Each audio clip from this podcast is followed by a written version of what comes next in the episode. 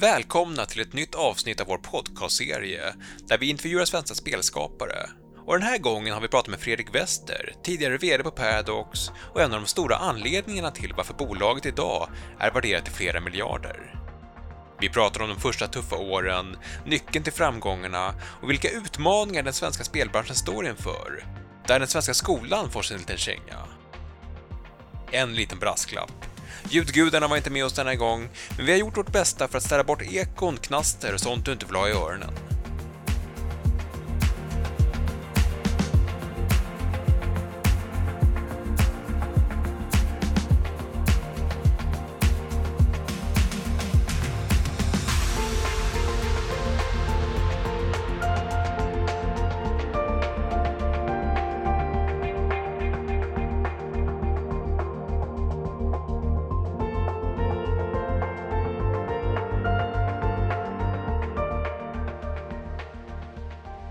Heter Fredrik Wester och jag är arbetande styrelseordförande i Paradox Interactive. Men jag har varit med i det här bolaget sedan vi var 7-8 anställda 2003, så det är snart 18 år. det har varit en minst intressant resa. Vi ska återkomma till den lite senare, men eh, jag tänkte inleda med att fråga vad betydde spel för dig för 25 år sedan, 1996? Uh, Ja, nej, men spel har alltid varit en, en väsentlig del av mitt liv. Det var 1996 då pluggade jag nere på Handelshögskolan i Göteborg. Jag tog dit 1993. Och då var det mycket annat också, men då satt jag och spelade. Eh, då satt vi och spelade eh, på alla raster så fanns det en, om det var Macintosh Classic, eh, där kunde man spela Civilization och gamla SimCity från Piraxis. Det var det jag spelade mest då. Låste man in sig där på kvällarna och drack öl och spelade Civilization. Det var kul.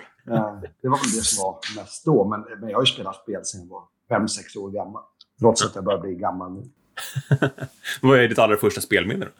Alltså, det första spelminnet jag har av att klara ut ett spel, det är egentligen starkare. För det första spelminnet är lite svårt. Vi hade ju en Atari 2600 sån med, med bara pinnar och, och prickar. Liksom. Men, och, och, det är väl det allra första. Men det starkaste jag har från 80-talet var när jag klarade ut eh, Bruce Lee.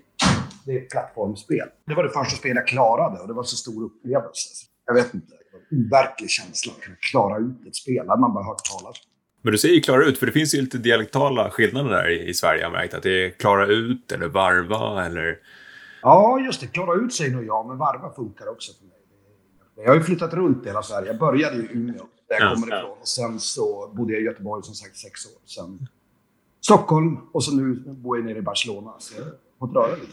Det mesta går bra, jag förstår det. Men var, var Paradox ditt första speljobb? Ja, det var det. Eh, jag började jobba då eh, när jag gick ut eh, min utbildning. Jag, tog inte riktigt examen. Fortfarande sju poäng från högskolan som jag behövde. Men Och så då började vi jobba. Då började, vi, då började jag först på ett it-konsultbolag.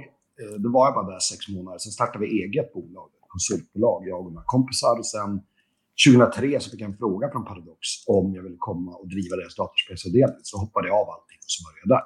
Mm. 1 augusti 2003. Vad var det för konsultbolag ni körde?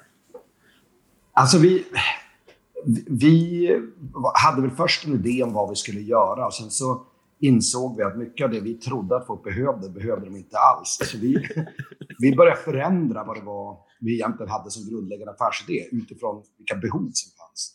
Och faktiskt, det jag jobbade mest med, det var faktiskt hantering av e-mail i kundtjänst. För det var ingen som hade jobbat med det då, 1999, 2000, 2001. Det var helt nytt. Mm. Det bara rasade in e-mails på,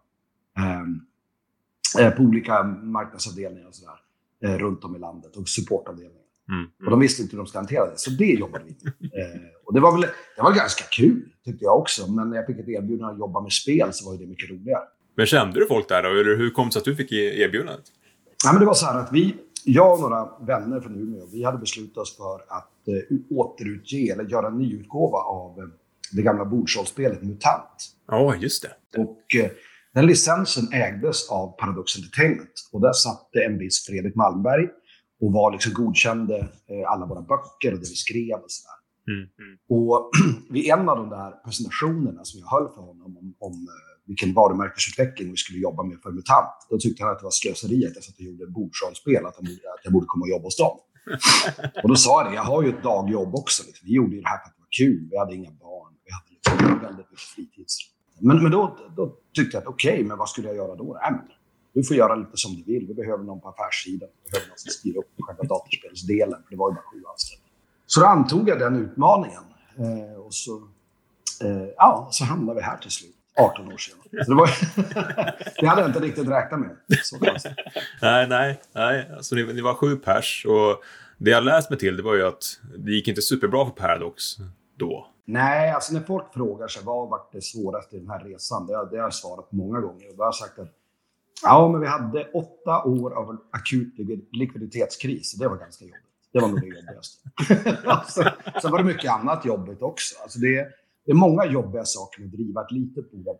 För att sättet man startar bolag på idag, det är ofta att man finansierar upp det med riskkapital, vilket gör att man direkt kan nå marknadsmässiga löner till exempel. Vi hade lite problem, för vi kunde bara betala i lön vad vi faktiskt själva drog in. Och eh, det gjorde att vi hade lite svårt att konkurrera lönemässigt med många. Så vi var ju tvungna att förklara för folk hur roligt det var att jobba med spel och så Att sälja in jobbet på ett helt annat sätt än, än med större drakarna som bara kunde betala folk. Det var också ganska tufft. Och sen så var det ju att få distribution runt om i världen var jättesvårt då. För då fanns det ju inget Steam eh, och digital distribution var ju bara någon slags dröm om framtida Eh, alltså distributionsformer. Så vi, vi distribuerade ju, vi tryckte spel och så distribuerade vi dem på en massa olika marknader. Bland annat i USA via Atari. Det var ju också, det var en utmaning det med. Därför att man fick ju inte alltid betalt i tid och man hade inte alltid bra avtal och man var inte täckt på alla marknader därför att alla tyckte inte att våra spel var tillräckligt stora. Ja, det var många saker som man kunde jobba med om man säger så. ja, det låter som att det är lite skillnad mot, mot idag. Men hur var liksom första tiden på, på Paradox rent kontorsmässigt? Hur såg en, hur såg en vanlig dag ut? Ja, det var ju ganska kaotiskt eh, på den tiden. Alltså, en av de första sakerna jag gjorde, och det vet alla som känner mig, att jag är ingen superordningsman. Liksom. Jag kan vara en ordningsman om det behövs, men det är inte där jag liksom skiner, om man säger så. Jag öppnade vår gemensamma filserver typ andra dagen och det var tusentals olika filer av olika slag och storlekar och hit och dit. Och så såg jag bara en fil, det här kommer jag aldrig glömma, jag såg en fil som hette Stuff for the Dude, hette filen. Och då tänkte jag, vad kan det här vara? Och så tittade jag, så var det det var printfiler för vårt Hearts of Iron, vårt andra världskrigets spel. På tyska var de. Och då tänkte jag att okej, okay, vi kan ju börja med kanske att få en namnkonversion och en struktur på den här filservern så folk faktiskt kan använda den.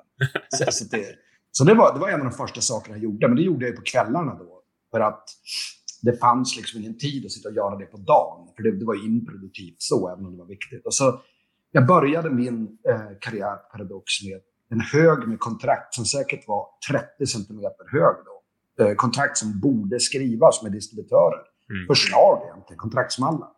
Och så bara, ta kontakt med de här 20 distributörerna och se om de vill eh, distribuera våra spel.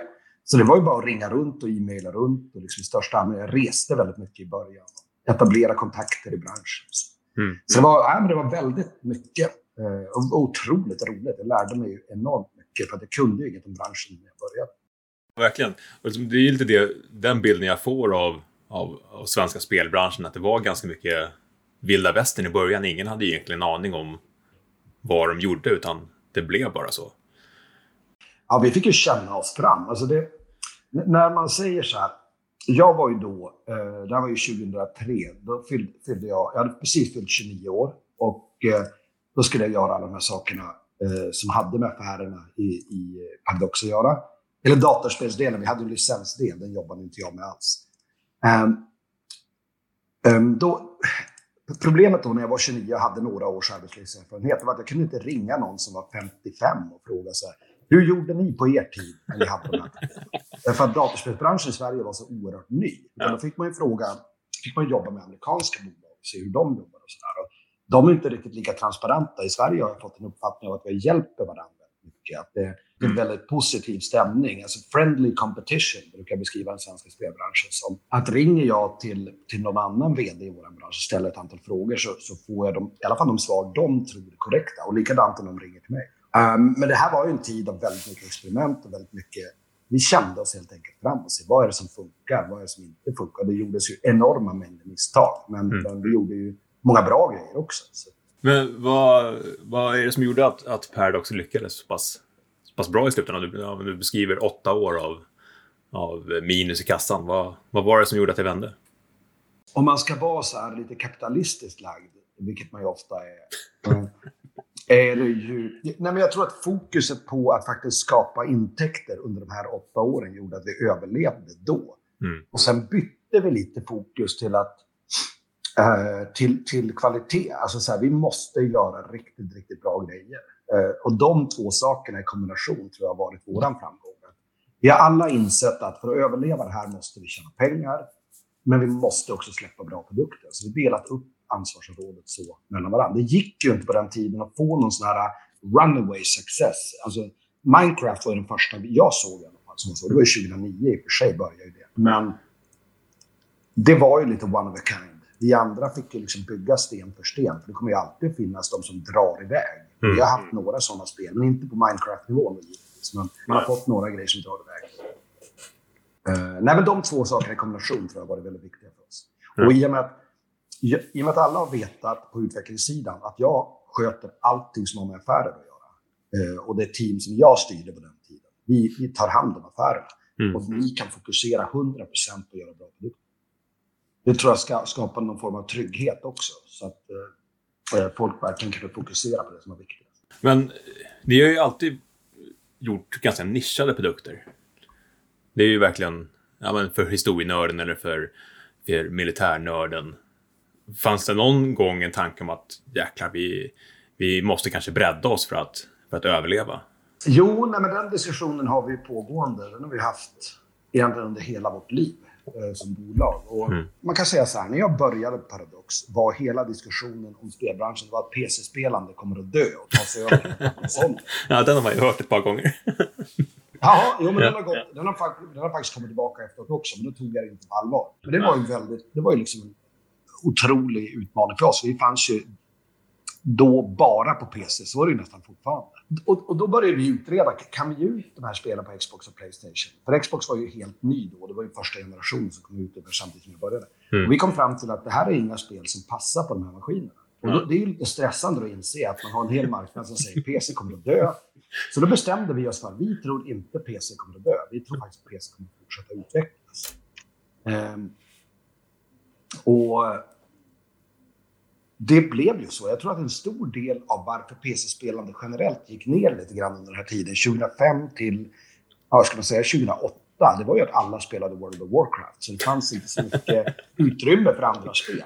Men vi växte en del också, för våra spelare är ju som du sa, det är nischat. Väldigt nischat. Och vi, eh, nischen har ju hjälpt oss eftersom folk åter... Det har inte funnits några andra spel som våra. Och det var ju därför också digital distribution för oss blev en så, ett sånt lyft. Därför tidigare kunde inte vi få ut våra spel på alla marknader. Argentina eller ibland Australien eller Sydafrika där det också finns många gamers som vill ta del av våra spel. Mm. Enda sättet för dem var att ladda ner på Pirate Bay på den tiden.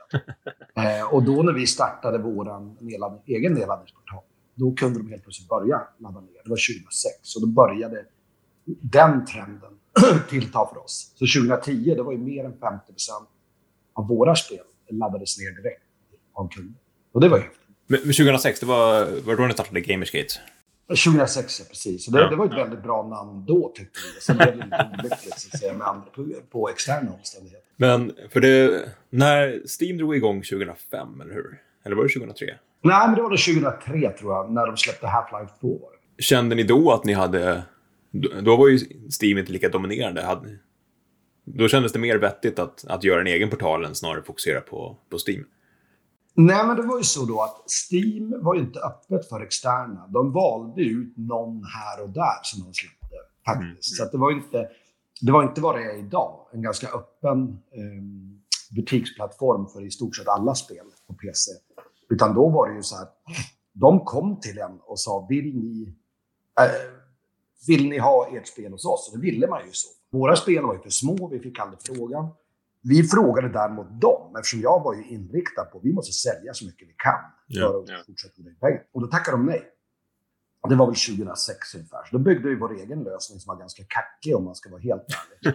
eh, men, men sen då kom ju vår lyckliga stund när vi var publisher för Mountain Blade. Då hörde de av sig till oss och sa det att vi vill gärna att ni ska eh, publicera Mountain Blade. Och då sa jag, men kan ni inte publicera resten av katalogen då också? Ja, men okej då. Så. Och så helt plötsligt började vi jobba ihop. Ja. Och det var ju rätt häftigt. Eh, så att, det var 2000, var det i slutet på 2008 tror jag? Något sånt. Kan ha varit början, ja, något sånt. Eller början av 2009. Men hur, hur ser du på, på den digitala spelförsäljningen idag? Jag kan gissa att det är mer än 50% idag för, för Paradox vad det gäller digital försäljning. Eh, ja, ja, ja. Idag måste det vara minst 98 Det är nog mer. Alltså, det vi säljer i butik, det är några stackars konsolspel då, här och där. Eh, eller vi säljer väl i och för sig okej okay av våra konsolspel, inte så. Men butiksdelen är nog inte så stor. Nej. Utan... Uh, nej, nej, nej. Utan, utan en del kanske collector's editions eller andra grejer. Den absolut största majoriteten givetvis digital distribution. Men hur, hur, ser du på, på, att Steam har varit så dominerande? Och, jag menar, Gamersgate har ju funnits parallellt och andra små aktörer, men nu när Epic Games Store går in och försöker liksom röra om i den här digitala distributionsgrytan? Nej, men jag, Steam var väl inte riktigt själva beredda att bli så dominerande. Eh, och det märker man ju på att de har inte varit så framåtlutade, tycker jag, i sin utveckling. Så att, eh, de hade kunnat göra ännu mer än vad de har gjort. Men det är i och för sig lätt att säga när man står på sidlinjen också. Men, eh, nej, men jag tycker det är bra att det blir mer konkurrens på, i butiksledet. Alltså att det är många som rör på sig. Alltså Microsoft har varit väldigt aktiva och gjort ett väldigt bra jobb. Det hade jag aldrig trott för fem år sedan. För Microsoft för fem år sedan kändes lite trötta och lite som att de hade gjort sitt, att de skulle lägga ner. Ja, verkligen.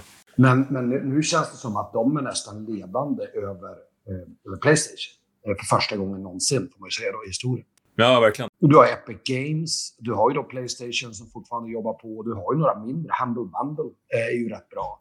Du har Green Man Gaming som jobbar liksom hårt för att hitta sin nisch liksom, i att sälja spel och sådär. Så att, eh, mm.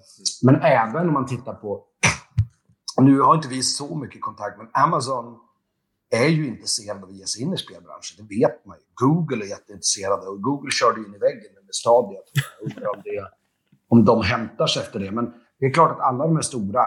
Apple kanske gör någonting också. Man vet ju aldrig. Alltså en större satsning. Sådär. Därför att gaming växer väldigt snabbt och alla vill liksom vara Eh, alla vill vara del av på tåget. Ja, det, det är intressant att Google Stadia inte lyckades kränga sin tjänst under det kanske mest spelintensiva året någonsin. Nej, det, det, det, det har ju att göra mycket med hur man... Jag ska säga, första gången jag pratade med Google Stadia så insåg jag att de, de har lite fel approach till marknaden. Utan de, de pratar bara teknik. Mm. Och i ärlighetens namn så kunderna är inte intresserade av teknik så länge tekniken funkar. Och de är så här, och så kom de med sin affärsmodell och så hade vi synpunkter på det och så sa de så här, men till slut kommer alla att komma till oss för vi är ändå Google. det var ju också en så här, ja, men det var en väldigt intressant liksom, och de är ju vana vid det. Men tänker man på Google så är de, de är ju ganska ovana att jobba med direktförsäljning till kund. Utan det är ett mm. transaktionsdrivet bolag. Alltså du gör sökningar och du gör andra typer av grejer. Det är väldigt mycket business to business. Men de är väldigt ovana vid att faktiskt sälja något och supporta något till en kund och samtidigt ha de här business-business-relationen. Jag tror de har kört fast lite grann tankemässigt någonstans. Det, vad är det vi ska leverera för tjänst och varför? För att det räcker, alltså I vår bransch, i spelbranschen, kommer det inte att räcka att säga vi är Google, vi är bäst. Eller folk, folk bryr sig aldrig om det.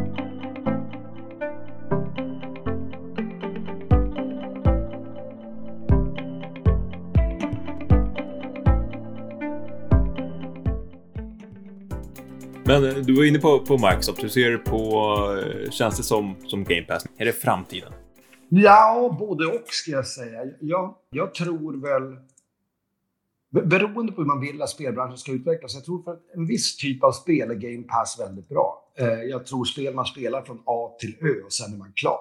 Mm. Mycket storydrivna, narrativt tunga spel. Jag tror absolut att Game Pass är ett väldigt bra sätt att, att minimera risken för de som utvecklar spelet. Däremot vår typ av spel, där man återkommer gång efter gång och man kan spela i tio år framöver eh, och ha en ny upplevelse nästan varje gång. Det behöver inte Game Pass vara den bästa lösningen för att eh, driva affären framåt. Jag tror att det finns andra sätt att göra det bättre. Så helt. Men det är en kompletterande eh, variant av en kompletterande affärsmodell till oss. Men det kommer inte, jag tror inte att det kommer att vara en dominerande för oss. Det, det har lite svårt att se, i alla fall de kommande fem åren. Ni gör ju spel som ska, som ska hålla väldigt länge. Det känns nästan som att det, att det har en viss koppling till dina gamla eh, rastspelande av, av Civilization. Det var ju också ett spel som man kunde spela om hur många gånger som helst och det kunde ta väldigt lång tid. Absolut. Civilization är ju absolut besläktat med oss, får man ju säga. Rent mentalt så är vi nog... Eh, vi är på samma planhalva så sätt. Och det, det är kul. Nej, men jag har alltid gillat den här typen av spel. Så det, det har inte alls varit någon... Det har inte behövt vara någon omställning. Många som börjar hos oss måste börja med att förstå vad det är vi gör Mm. eh, för någonting. Och jag, har, jag hade lite försprång där, eftersom jag gillar ju exakt den här typen Men vad, det, vad, vad tror du är det som lockar in människor i den, här, i, i den typen av spel? jag, tror att, jag tror att det är väldigt... Alltså, vi pratar väldigt mycket om att släppa loss kreativitet. Och jag tror att man gör det... Kreativitet är väl som bäst när den är lite inramad. Att man får en tydlig, en tydlig ram att utgå ifrån och säga att du får göra vad du vill inom ramen för det vi sätter. Om det är en historiebaserad bas eller om det är rymden som är formen av Stellaris, eller om vi i framtiden gör ett fantasyspel i den här typen av miljö så tror jag att alla spel, alla kan, man kan spela spelen på sitt sätt. Alltså jag är ju själv en power gamer. Om jag spelar Crusader Kings 3, då vill jag skapa så stort kungarike som möjligt och jag vill göra liksom det ena och det andra. Och jag är väldigt strategisk i hur jag väljer krig och hur jag väljer allierade och sådär. Mm. Men jag vet att vissa spelar ju det här som om det vore ett rollspel och då är det ett helt annat typ av spel. Mm. Och den typen av kreativitet som vi släpper lös. Man har tittat, vi har, vi har ju aldrig haft någon e-sport kring våra spel. För vi är mera... Om man säger så här, om man säger att League of Legends då, eller Counter-Strike, det är som att titta på fotboll eller tennis. Det går ganska snabbt och sen så har man någon som har vunnit och sen kan man titta på nästa match. Våra spel är mer lik eh, cricket eller Tour de France. Det pågår ju ganska länge, det pågår i flera dagar. Ja, det en intressant e-sportsändning. Nej, precis. Det blir lite så. Men å andra sidan, så vi har diskuterat men vad är en e-sport? Nu ballar jag ur lite här. Men vad är en e-sport? Jo, men det är ju ett event och så är det en tävling. Mm. Men skulle man kunna göra något som är intressant även om det inte är en tävling inblandad, det bara är ett event och eventet i sig är värt någonting. Mm. Därför att om man tittar på, vi har dragit igång, vårt event-team har någonting som heter The Grandest Lawn, där man kommer till ett slott i Polen och så spelar man, om det är tre, eh, 30 lag med två till tre personer i varje lag. Och så kör man under en helg, tre eller två och en halv dag. Och sen korar man en vinnare på slutet. Men det är inte alltid den som vinner som är populärast bland de som tittar. Det är ofta de som är bäst på rollspel eller gör roligast och mest oväntade saker. Alltså, det finns en annan dimension. Det är, det är nästan entertainment-tv snarare än vad det är competition. Och Ja, det, ja. det är rätt intressant. Jag tror att det kanske skulle kunna vara vår nisch, för vi får ofta frågan vill, ska ni göra e-sport? För e-sport, dels så kommer det från folk som inte vet vad e-sport är. Gör ni e-sport? Det är ja, det beror på vad du menar. Vi investerar i e-sport. Så good for you. Um, någon fond som har fått för mycket pengar och lite oklara instruktioner. Men, nej, men jag tror att det skulle kunna vara vårt sätt att eh, ha events och knyta band närmare till folk som spelar våra spel. Och få väldigt mycket värdefull input också. Alltså, vi ser ju en ganska tydlig förändring i, i spelbranschen. Att eh, många förläggare och spelutvecklare vill, de vill knyta den, den personliga direktkontakten med kunderna. För 15-20 år sedan då var det ju det var ju butikerna som hade kontakt med kunderna och de som sålde spelen. Men nu så vill alla ha den här direktkontakten. Ja, men precis. Absolut, den har vi varit viktiga med länge. Alltså, vi hade ju vårt spelforum som vi har. Um, det har varit viktigt för oss uh, ja, sen jag började. Alltså sen långt innan jag började till och med. Så att eh, den här direktkontakten för oss, även om vi inte haft direktkontakt genom spelet, vilket är det många pratar om, Mm. så vi, alltså om man tittar på vad är, det, vad, vad är det mest lästa på Paradox sidor? Det är våra wikis över spelen. Och Ja. dessa wikis görs ju av spelarna själva. Och det där är ju, jag tror att om man ska prata om framtiden för många spel så är det kreativitet för oss och även det här att folk skapar saker åt varann och Mm. gör saker inom ramen för, eh, vad ska man säga, den, den lilla värld som man befinner sig i. Det blir någon slags eh, ekosystem där man skapar content åt varann. Minecraft är världsmästare. Ja, det där med användarskapat innehåll har man ju hört som, som ett trendande ord inom spelbranschen ganska många gånger. Nästan lika många gånger som, som, som PC-spelare ska dö. Ja, men, ja, men så är det. Och sen var det så här, då kan jag bjuda på en liten, liten hemlighet. Vi hade tänkt lansera då betalt användarinnehåll på Steam i ett av våra spel. Jag ska inte berätta vilket, men då hade vi tänkt göra det. Men då var inte vi tillräckligt snabba på pucken, så då, då lät Bethesda gå före. Eh, om du kommer ihåg hur deras lansering. Det var ju ett totalt haveri. Så då beslutade vi då att nej, men vi kanske ska vänta lite och se hur man kan göra det här på ett lite rimligare sätt än, än att göra som Bethesda. Nu tycker jag Bethesda, faktiskt, idén var jävligt bra. Det var bara det att genomförandet blev inte vad man riktigt hade hoppats. Nej. Ja. Men förr eller senare kommer det där. Att, att även de som skapar saker i spelen som sitter externt ska kunna få betalt för sitt nedlagda arbete. Det tycker jag är bra. Då kan ju de skapa mer. Ja, men det låter ju som helt rimligt. Ja, men det är bara att titta på hur bra det går för Roblox.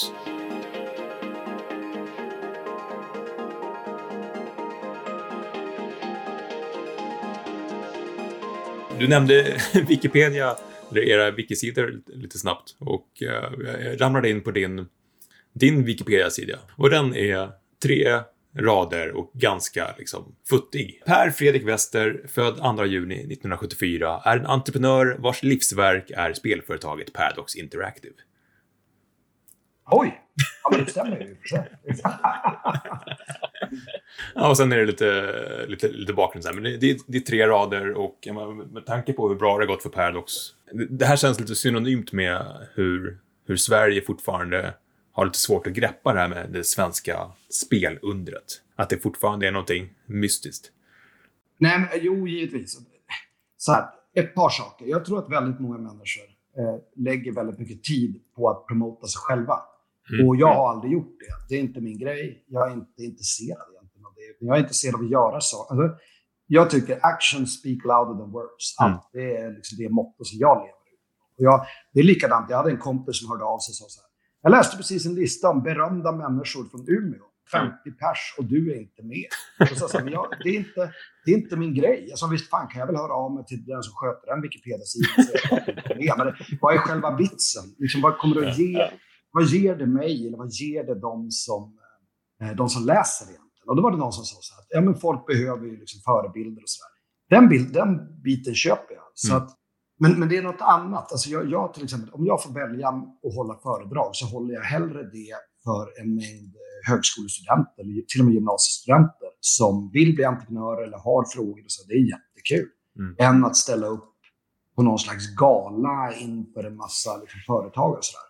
Vilket egentligen inte... Det är kul det med. Det är, jag älskar att träffa andra entreprenörer. Superkul. Men jag, man, man vill ju ge tillbaka någonting menar. Det är det. Och då, Mm. det här att bygga monument över sig själv och sin egen förträfflighet. Det har aldrig varit någonting som jag har varit intresserad av. Så det var intressant poäng. Jag får väl gå in och skriva själv på Wikipedia-sidan. Fredrik är också en fantastisk person. Jag vet inte. Var börjar man? Ja, men varför, varför tror du att, eh, att, att Sverige fortfarande, man brukar kalla det svenska spelrundet, men va- varför det fortfarande finns en ganska liten förståelse för, eller uppfattning om att det är så pass stort. Jag menar, svenska spelbranschen omsatte 25 miljarder 2019. Var- Varför är det fortfarande en, en konstig grej? Vi har pratat några gånger om varför de äldsta vd-arna i branschen, jag tror att det är lite connectat, de äldsta vd-arna i vår bransch, det är tio år sedan, födda 1973 tror jag, de flesta, de äldsta liksom i, Kristoffer Sundberg Mm. till exempel på Avalanche, han är född 73. Och jag är född 74, så att vi, vår teori då, som har uppkommit några gånger, det är att svensk spelbransch, eller spel i Sverige, slog igenom på allvar när eh, NES kom, den grå Nintendo-lådan. Mm. Då var jag 13, alltså då var jag 12 år. Mm. Och 73orna var 13 år. Men de som var födda 72, de var 14 år och de hade redan hittat andra intressen som mycket roligare att sitta inne i en mörk källare och spela spel. De blev aldrig gamers på samma sätt som Nej. vi. Och, och det är ganska intressant, för det går en rätt tydlig skiljelinje där i attityd till spel och vem som kan kallas för en gamer. Och.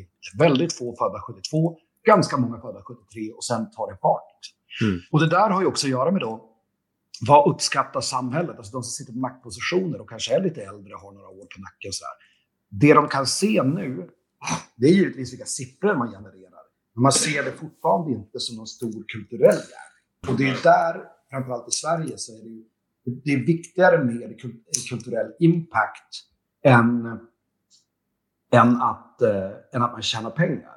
Men nu har vi både en enorm kulturell impact och många tjänar bra med pengar. Så den kombinationen borde ju snart någonstans få fäste.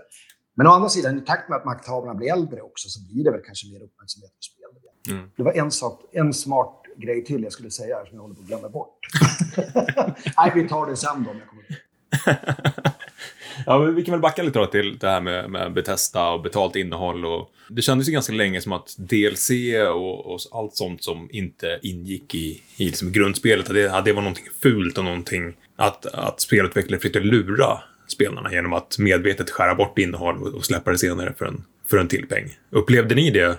Ja, vi har fått jättemycket skit för vår DLC-modell, men för mig har det varit, jag har alltid stått upp för det här. Jag var ju en av dem som kom fram med det här sättet att släppa eh, content på för oss. Det var ju jag, Johan Andersson och Henrik Foreus hos oss som snackade ihop oss. Och hur vill vi släppa innehåll på effektiva sätt och ändå kunna ta betalt? Och då blev det den här modellen. Det första spelet var Crusader Kings 2 som kom 2012. Sen överenskommelsen var väl 2010. Och eh, det, det, det var ett bra sätt att fortsätta kunna utveckla på ett spel och ändå, vi ger bort, i en DLC ger vi bort hälften av innehållet gratis till eh, de spelare som inte ens betalar.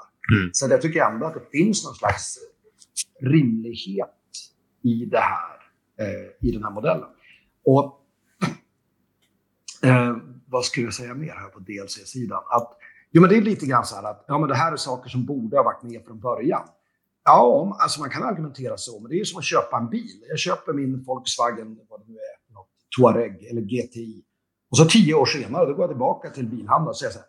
Allt det här borde ha varit i min bil från början. Nu är det ju mycket bättre, era jävlar. Så nu vill jag ha den här bilen istället och byta in min gamla häck. Alltså, det är klart att om vi lägger tid och lägger kraft på att förbättra produkten och de redan har köpt den produkten, då är det klart att vi kan ta betalt för det. För mig är det självklart. Och jag tänker argumentera för det tills jag dör.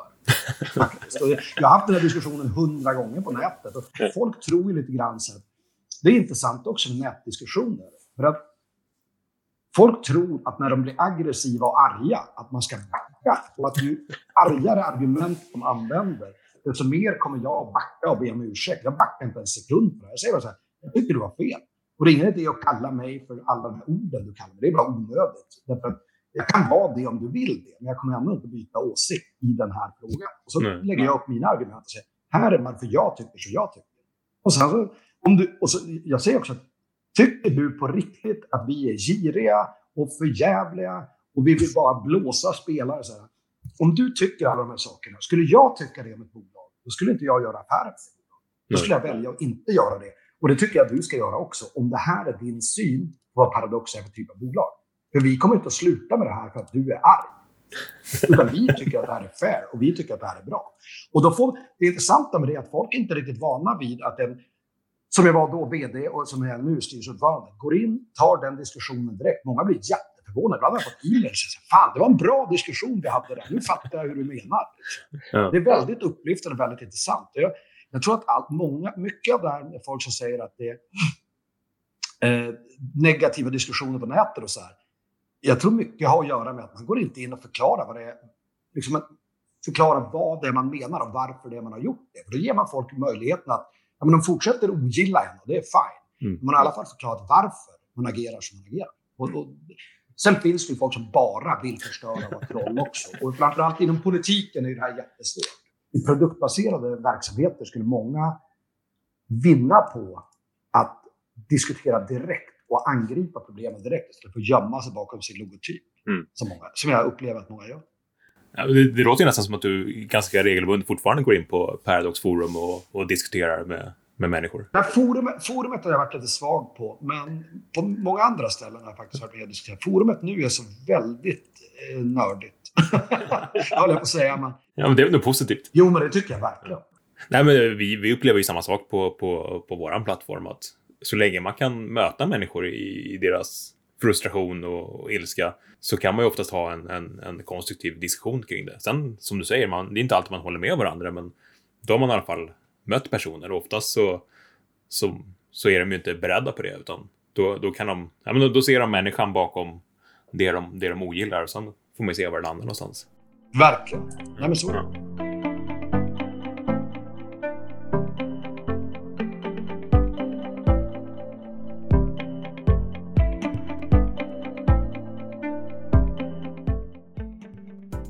Jag gick tillbaka och kollade lite på... Eh, jag gjorde en intervju med dig 2013 för, för vårt videomagasin Fragzone. Och då pratade vi, vi touchade lite i det förut, du hade aldrig fått ett, ett, ett konsolprojekt att eh, gå runt ekonomiskt när vi snackar då. Hur ser du på den saken eh, idag? Eh, nej, men konsoler är ju lite en annan sak. Då. Dels är ju själva processen för att få ut spel mycket enklare. Den är inte lika kostsam.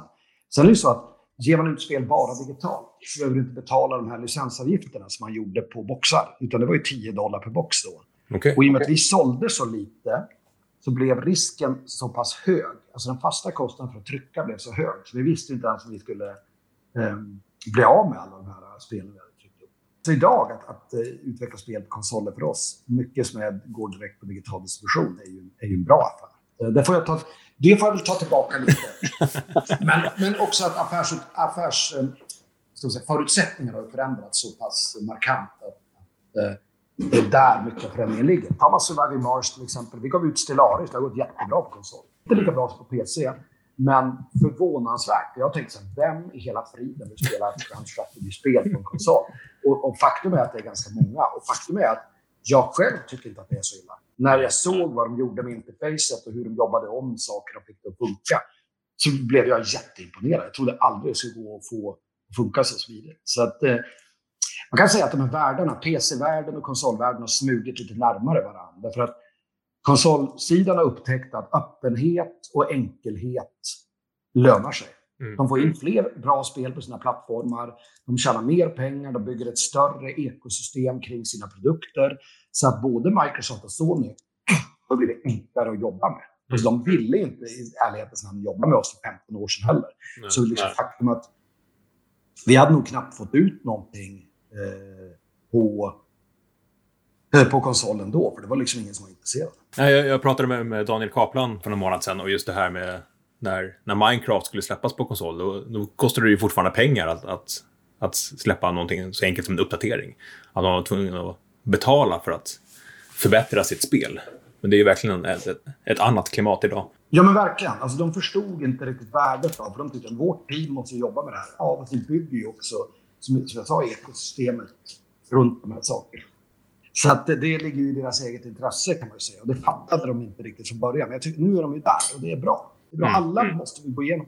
Alltså, vi hade ju också andra idéer i hur bygger man ett bra ekosystem och hur liksom jobbar med sina gamers och vad kan man ta betalt för och vad kan man inte ta betalt för. Som vi sa, det här har ju varit en lärande process för oss allihopa. Men jag tycker vi har landat i någonting som är bra. Ja, och det är ju någonting som, som, som ständigt utvecklas. Menar, synen på, på DLC och mikrotransaktioner och sådana saker var ju en helt annan för tio år sedan än vad det är idag. Idag är det betydligt mer accepterat. Horse Armor i för Bethesda-spel hade ju inte, hade inte varit en grej idag. Utan det är bara... Oblivion. Ja, det var väl Oblivion, ja. Precis. Nej, precis. Det kommer jag ihåg det togs emot. Och så där. Vi har ju fått många precis den referensen med Horse Armor. Så, ja, så det ja. är intressant. Ja, ja. Intressant utveckling. Verkligen. Och hur ser du på, på den svenska spelbranschen? Om man, om man beskriver de första åren som du kom in som lite vilda västern och eh, mycket mycket pröva sig fram. Hur ser du på svenska spelbranschen idag? Jag, jag har väl i, grund, i grunden en, en positiv syn. Sen finns det en serie olika utmaningar som, som jag ser på kort sikt och på lång sikt. På kort sikt är det ju så att koncentrationen av spelbolag är ganska stor i Stockholmsområdet där det råder bostadsbrist och det råder brist på kvalificerad personal. Alltså programmerare till exempel. Det är väldigt svårt att få tag på i Stockholm. Mm. Så risken är att uh, man måste flytta utomlands för att kunna fortsätta utveckla sitt spel. Och mycket av de långsiktiga utmaningarna ligger ju i att svensk skola inte längre håller måttet. Mm. Och det kommer vi inte att se, uh, det kommer vi inte att se effekterna av för de tio år. Alltså att vi har minst antal mattetimmar i hela OECD-området, det är ju katastrof för en bransch som våra.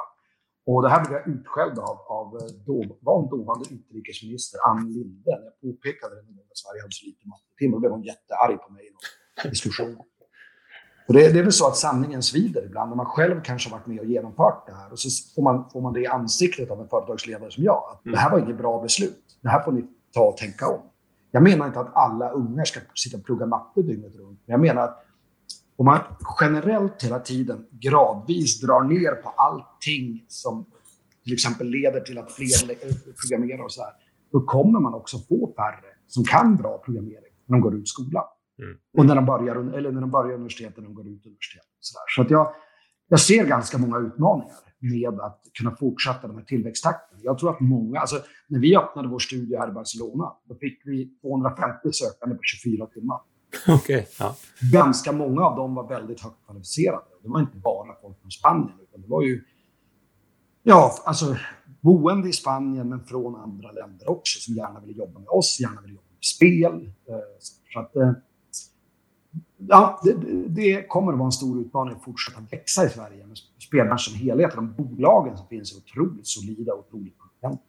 Sen ser jag ganska stor förflyttning också inom, inom svenska spelbranschen. Att det är många som varit med från början som nu hoppar av de stora bolagen och återinvesterar sina pengar i, i, i helt nya projekt. Ja, så är det. Alltså man jämför med när jag började. Det fanns inget ekosystem med pengar i spelbranschen. Det var bara att glömma.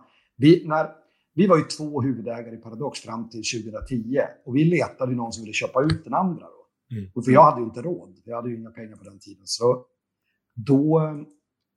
Det var ju ingen som ville köpa någon. Det var ingen som ville investera. Alla tackade nej. Till slut var det Spiltan som då köpte. Det var en liten investmentfond på den tiden. Det var, det var någonting nytt. Eh, alltså det här, det här eh, ekosystemet med investeringar började byggas 2009 till 2011. Och sen har det bara ökat i takt med, som du säger, att de har gjort exits i King och Avalanche. Till viss del DICE kanske också, även om den exiten inte var lika stor. Eh, och sådär. Så det, det har flutit in väldigt mycket pengar. Minecraft för den delen. Så att, uh, det har kommit in väldigt mycket pengar till folk som har anknytning till spelbranschen, vilket har gjort att det har kommit väldigt många nya investeringar. Och det är positivt. Det är väldigt positivt. Ja, vad är, vad är nästa, om du beskriver dig själv som en entreprenör, vad är nästa stora, vad är nästa stora grej för, för dig?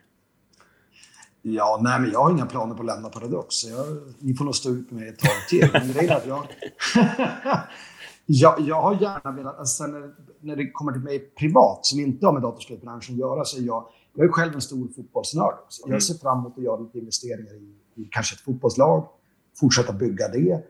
Eh, ja, det, det, det, skulle jag gärna vilja göra parallellt med det jag driver Paradox. Så nu mm. när jag inte kan någonting om fotboll så kommer jag vara beroende av andra runt omkring mig. Jag, jag, bor ju som sagt i Spanien nu och det är lite rätt land att bo i vad gäller fotboll. Allting här handlar ju fotboll på ett Så det, det ska jag gärna göra om man pratar om något som inte är datorspel överhuvudtaget. Men jag ser väldigt mycket fram emot att fortsätta utveckla Paradox. Jag känner, jag har sagt så här till min fru, eh, typ eh, en gång varje år. Jag har sagt så här, men jag tror att jag har ungefär jag har tre till fem år kvar på Paradox. Det har jag sagt de senaste tio år.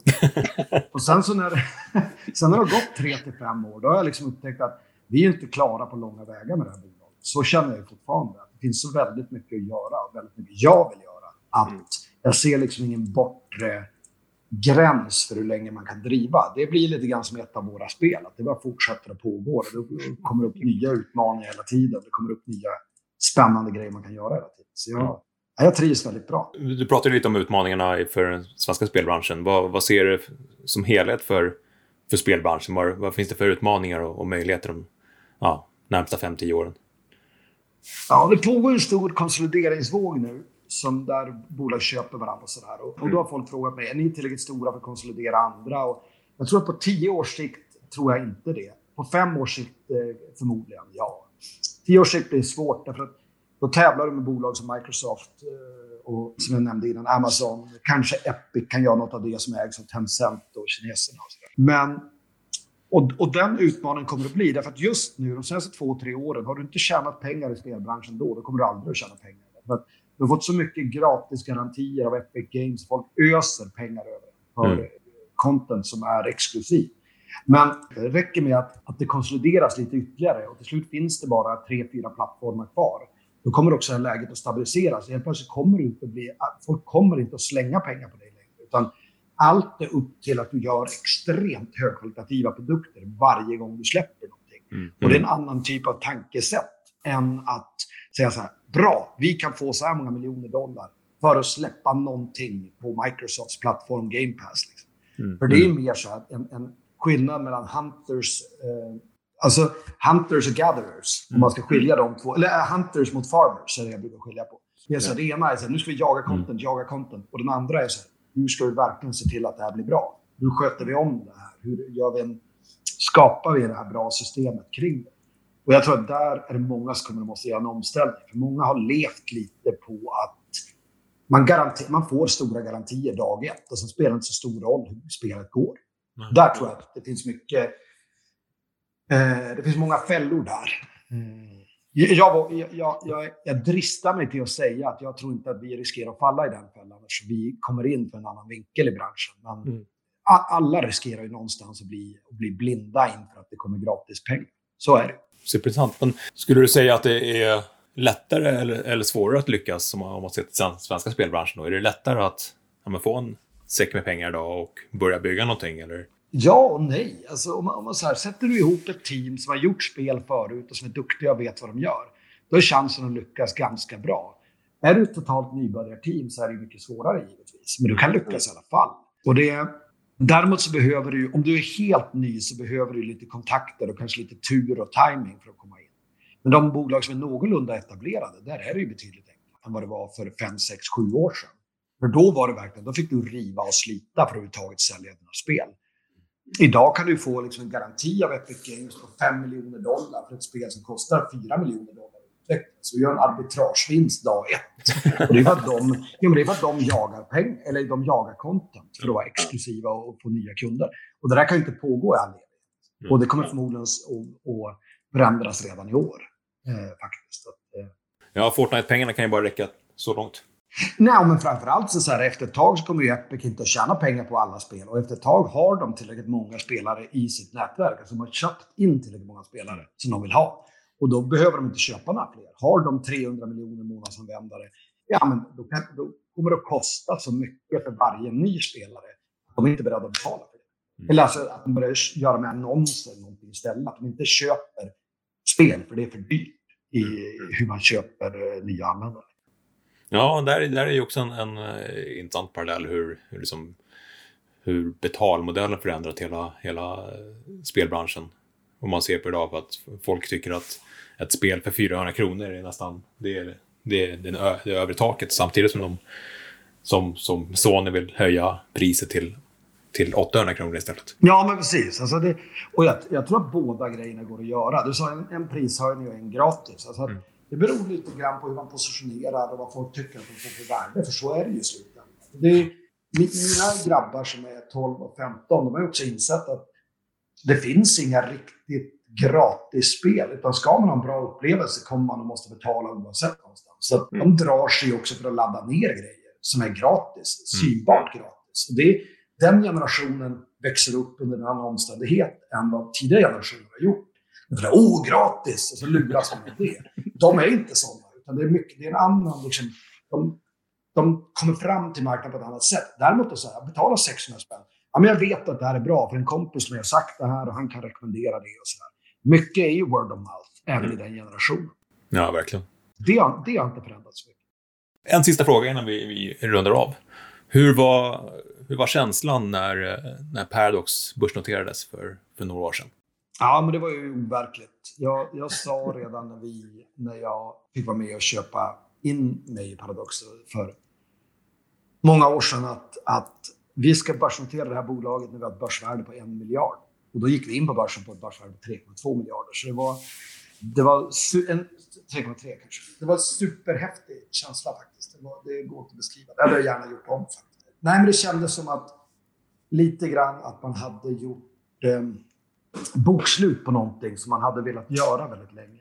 Och sen så hade jag väl kanske, idén med noteringen var väl att använda börsplatsen till kanske att köpa andra bolag och sådär. Sen har jag blivit lite mer konservativ med tiden och tycker att vi ska bygga saker själva. Vi ska göra saker som vi själva är säkra på att vi kan göra. Och så där. så vi har väl inte använt börsplatsen på det sätt som det var tänkt från början. Men det har ju å andra sidan lett till att vi har fått oändligt mycket mer uppmärksamhet. Vi tas på allvar på ett annat sätt. Och så där. Så jag, Eh, summa summarum kan man väl säga att det har varit värt det. Även om det har varit lite mer jobb än det skulle ha varit. Ja, superkul. Och det känns som att man skulle kunna prata spelbransch med dig i, i ett par timmar till, men det är dags att runda av lite. Jag kan hålla på hur länge som helst. En, en sjukdom efter att ha varit i branschen. Nej, superkul att, att snacka. Och, ja, det ska bli intressant att följa, följa Paradox och det ni gör nere i Spanien också. Om det blir något Väster FC kanske i, i framtiden. Vi får se. Det blir spännande.